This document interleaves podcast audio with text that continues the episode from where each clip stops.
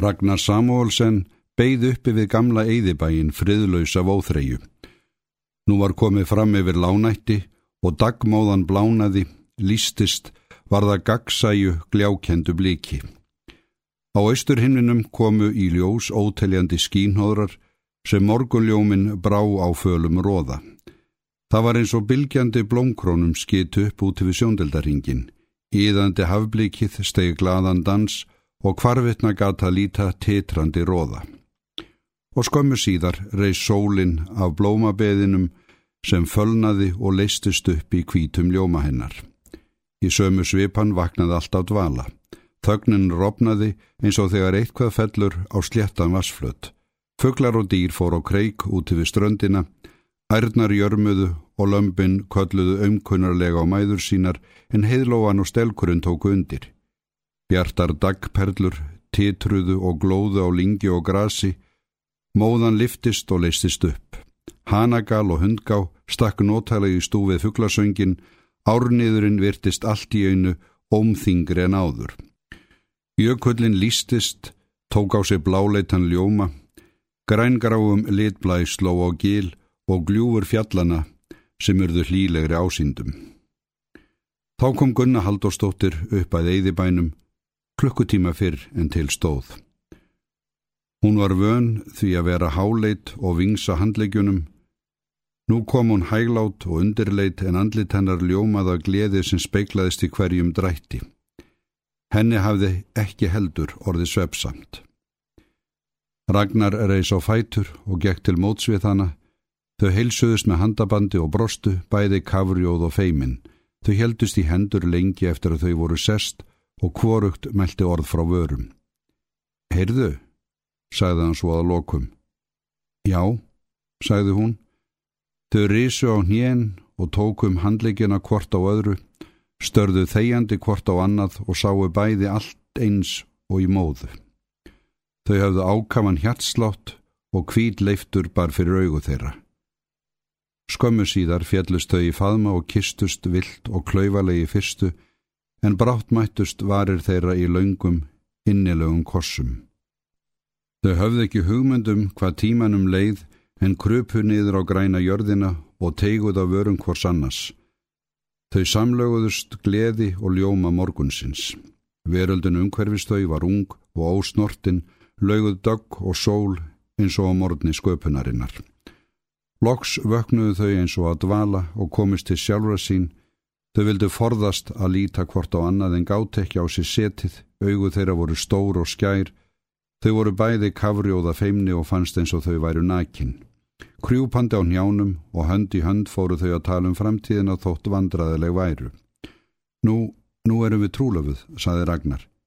Já, svaraði Gunna Hún hristi hörguila lokkana frá enninu og rött hennar vittnaði mikla sælu. Og svo giftum við okkur. Jáhá, sagði hún látt en ákveðið. En fyrst verðum við að býða í tvö eða þrjú ár. Ragnar var farin að jafna sig og færa sig upp á skaftið. Gunnar kinkaði kolli og var samþykkonum í einu og öllu. En nú verðu þau að fresta samræðunum því að annað kallaði að. Þau kistust heitt og lengi og nú voru þau komin upp á lægið. Þegar Gunna kom ekki með ærnar til mjölda á venjulegum tíma var Gissu sendur á stað að leita þeirra. Þetta var á sunnudegi og hann fúst til fararinnar. Sennilega hafði Gunna hitt yngu eða fríðu, kannski báðar og þær svo glemt sér. Hann vonaði að það væri ynga því að auðvitað myndi hann hitta þær. Það var ekki laust við á honum hlínaðum hjartarætur við tilhugsununa. Gissur Haldursson var orðin myndarpiltur, ekki háruvexti en óvinju þrekinn og herðabreiður eftir aldri. Hverstagslega var hann latur og værukær en gæt láti til sín taka ef hann vildi og vann þá á við tvo því hann var rammur að afli. Hann var næsta líkur móður sinn í sjón, svipurinn mildur og fríður og varirnar þykkar og þrísnar. En þó var í andliti hans þróttur og harka sem stakk í stúfið barslega mildina. Þetta odlið því að hann gæti ekki talist að laglegur en virtist drildin og drungalegur. Hann var dökkur og hár en brúnirnar ljós hjarpar. Auga hans voru oftast góðleg og dreymandi þegar hann var eitt síns lið sem urðu fljótt feimnisleg og flögtandi í návist ókunnugra.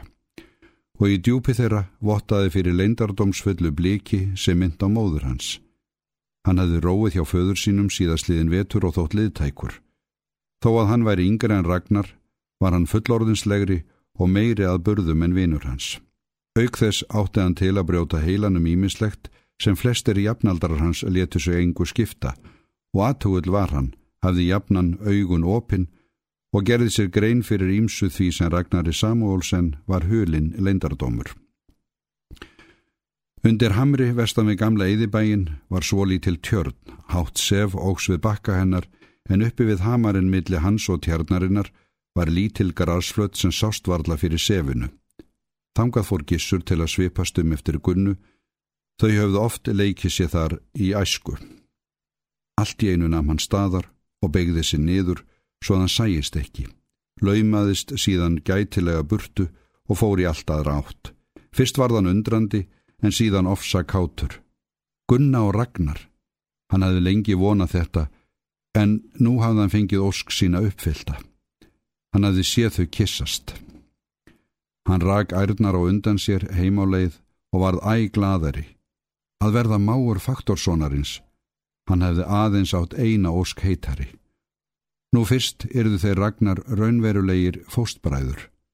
Honum hafði aldrei þótt vætnaðum vinsinn en á þessari stundu. Og svo var nú eitt enn.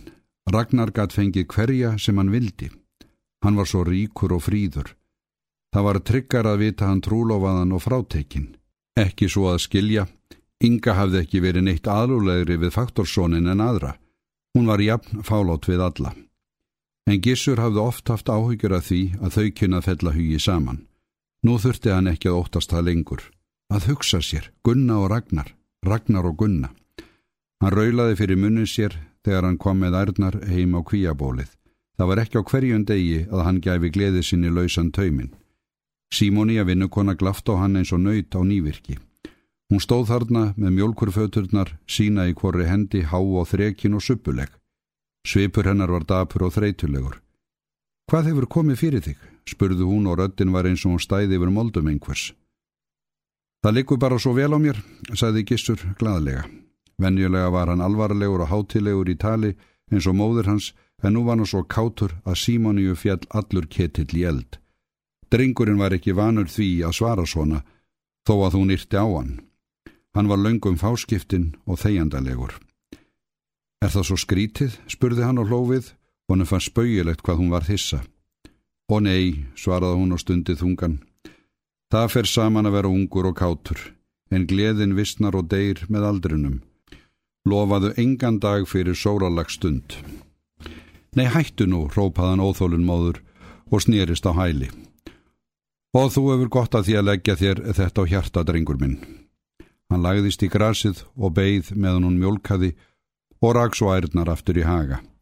En gleði hans áð orði fyrir áfalli, anskot hans ólundin í henni Símoníu. Hann reyndi að hrista þetta af sér með bölfu og regni en komst í æverraskap.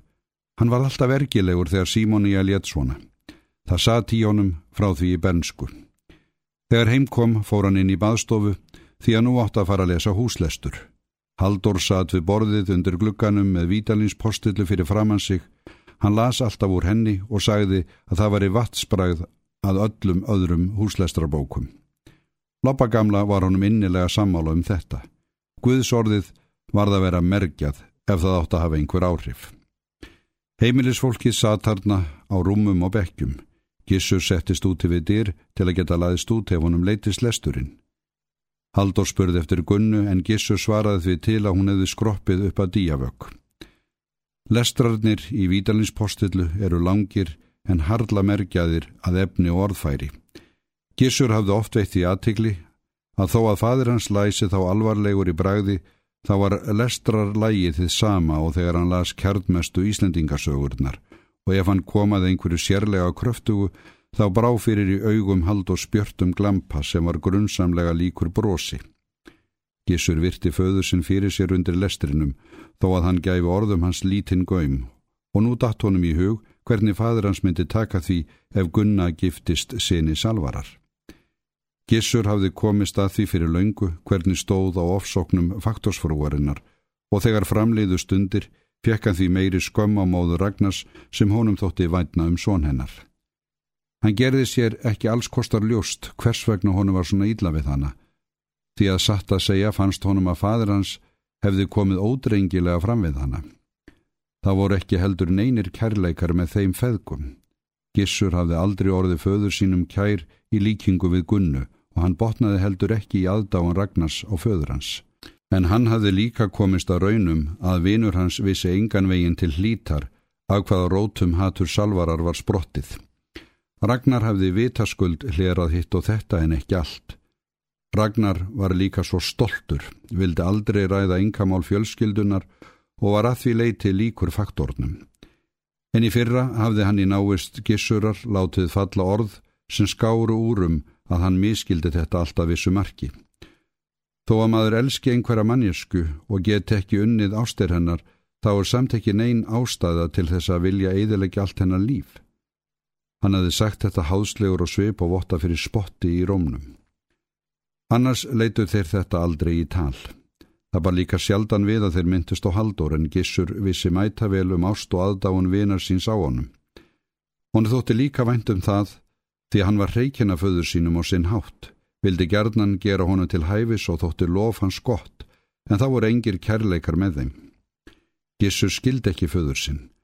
Hann hafði raun af tilbeðslu móður sinnar á honum og hann hafði ofta tekið eftir því hvað fadir hans var hrissingslegur við hana.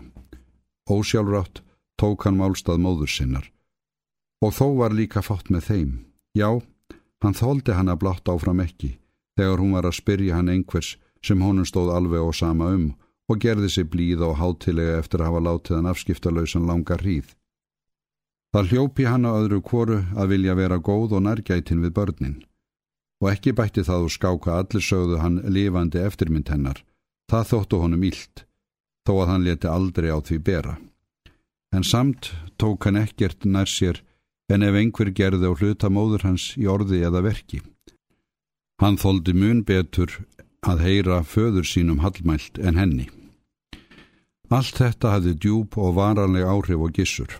Hann var viðkvæmur og hörundsár, reikull í ráði og tók allt næri sér. Hann var dómharður í gard annara og átti erfitt með að láta undan þó svo að hann vissi að hann hefði á raungað standa. Auk þess var hann gjarn á að brjóta heilan um allt milli heimins og jarðar og hann gaf gætur að ímsu sem jafnaldar hans letu fram hjá sér fara. Gunna var þannig í sjón og framkomu að hún var aldrei látin gjalda föður síns, en Gissur hafði hins vegar orðið að þóla margt hans vegna bæð af börnunum í sveitinni og fullornafólkinu. Hann hafði verið auðtrúa og skrítin í bensku.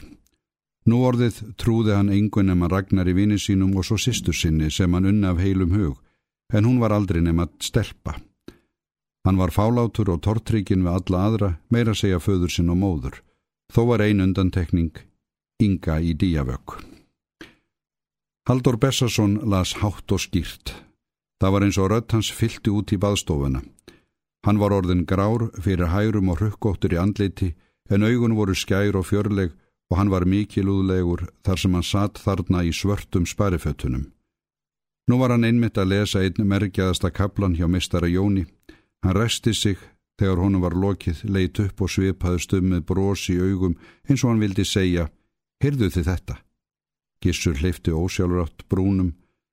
Þetta var eitt af því sem hann hafði út á föðu sinn að setja, þessi léttúð í tíma og ótíma, aldrei alvara í neinu. Ekki svo að skilja að Gissur triði þessu sem sagt var í húsleisturunum og presturinn fjasaðum af stólnum og auðsið var á dagfæri fullornafólksins að það trúði því ekki heldur. Guð var þó sjálfsagt til, en margt bendi til þess að hann væri ekki eins góður og hann var látið og Gissur hafði á honum óttablandna anduð. Draumurinn um yngu í díavög var trúabröð hans. Honum fór að leiðast þegar hann var búin að setja undir lesturinnum í klukkutíma. Hann laumaðist út og hljópi sprettu upp túnið. Hann ætlaði að skreppa út í sveit.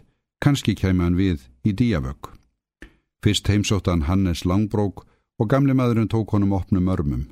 Hannes var í essinu sínu og sæði hverja söguna annari merkjaðri. Gissur kom ekki að díavög fyrir undir kvöld. Inga og móður hennar voru að mjölka úti á stöðlinum. Gissur heilsaði, settist í grasið og fór að spjalla við maðgurnar. Þau töluðum veðrið og sprettuna og eftir stuttastund fjall samtalið niður. Árnina var þó undan að mjölka, hún lagði af stað og baði dóttur sína hafa Gissur með sér heim þegar hún var í búin. Það má ekki minna vera að þú fáir kaffisopa, sagði hún með sínum blíðarómi og brosti við drengnum. Það var almæli í sveitin að enginn byggi til betra kaffe en árnina í díavögg og þar fór enginn hjá gardiðans að fá sopa. Árnina var af engur heiknari að undanskildum kripplingnum og sá ekki sólina fyrir honum og það var síður en svo að henni fyndist krippan líta hann. Hann var henni líka góður sonur þó að hann veri löngum þurra á mannin við hana og síndi henni aldrei neitt trúnað. En hann hafði alltaf verið henni hlýðin og eftirlátur, færði henni yðurlega sitt hvað smáeis þegar hann skrapp heim og gerði sér farum að velja það sem var henni að skapi. Hún sá heldur ekki blettaði hrukk á sinni sínum og það eina sem gætt komið þessari ljúfa og viðmóts þýðu konu til að skipta skapi var ef einhver dyrðist að hallmæla kripplingnum í hennar eiru. Gissur horð á eftir henni þar sem hún rógaðist áfram með mjölkurföturnar, tágrönn og vaggandi í göngulagi, skopleg og lítil fyrir manna sjá. Hann reyndi að brjóta upp á einhverju umræða efni við yngu en það gekk treglega. Hann var feimin og hún virtist varla við taf honum. Hún satt á hækjum sér við að mjölka kúna og úr júfrinu stóðu tvær freyðandi bunur ofan í kvítvegna fötuna. Kýrin lingdi eftir augunum og jórtræði sött og sæl. Liktin af kúnum og mjölkinni blandaðist gróðurangan og moldareim. Allt var kyrt og hljótt, sólinn heg til viðar og þögn og rófærðist yfir sveitina. Gissur reytti fívil, milli handa sér í hugsunarleysi og hafði ekki augun af heimasætunni. Hún var róleg og blómleg eins og náttúran umhverfisana. Gissur hafði aldrei augum litið, feguri eða hraustari stúlku, hún fannst hún fríka með hverjum deginu sem leið. Hár hennar var ekki sítt en rauðjart og þygt, brugðuð upp í tvær gildar fléttur sem voru farnar að rakna. Andliti var föllt og hörundslétt og léttur róði í búsnum kinnunum, augun stór undir jörpum brúnunum, flóstökk og djúb, en þar vottaði ekki fyrir neinum geðhrifum nema ró og stillingu. Stór og rjóður munnurinn vitnaðum alvöru og festu. Skrítið er þetta, sagði hann allt í einu upp úr einsmanns hljóði. Hvað allt er breytt síðan við vorum krakkar og lékum okkur saman. Hún var búin að mjölka og reys á fætur, klappaði kunni og rétt úr sér há og spengileg. Jæja, finnst þér það? Sagði hún rólega og í röttinni var sama stillilega tómlætið og í allri framkoma hennar, pressandi svali eins og sitrandi lind. Við erum nú hvorut komið að fótum fram, henni stökk ekki brós, en leitt þannig á hann að hann myndist aldur síns og blóð róðnaði. Hann aði glemt því að hún var eldri en hann. Ég verðist að fara að hipja mig heim, tautað hann og rétti fram höndina í kveðjuskinni. Þú þykkur þó kaffisopa. Nei, þakka þér fyrir. Hann hristu höfuðið afsakandi. Hann vonaði að hún myndi ganga eftir sér en varði ekki að þeirri ósk sinni. Þau skildu við svo búið og fóru hvort sína leið.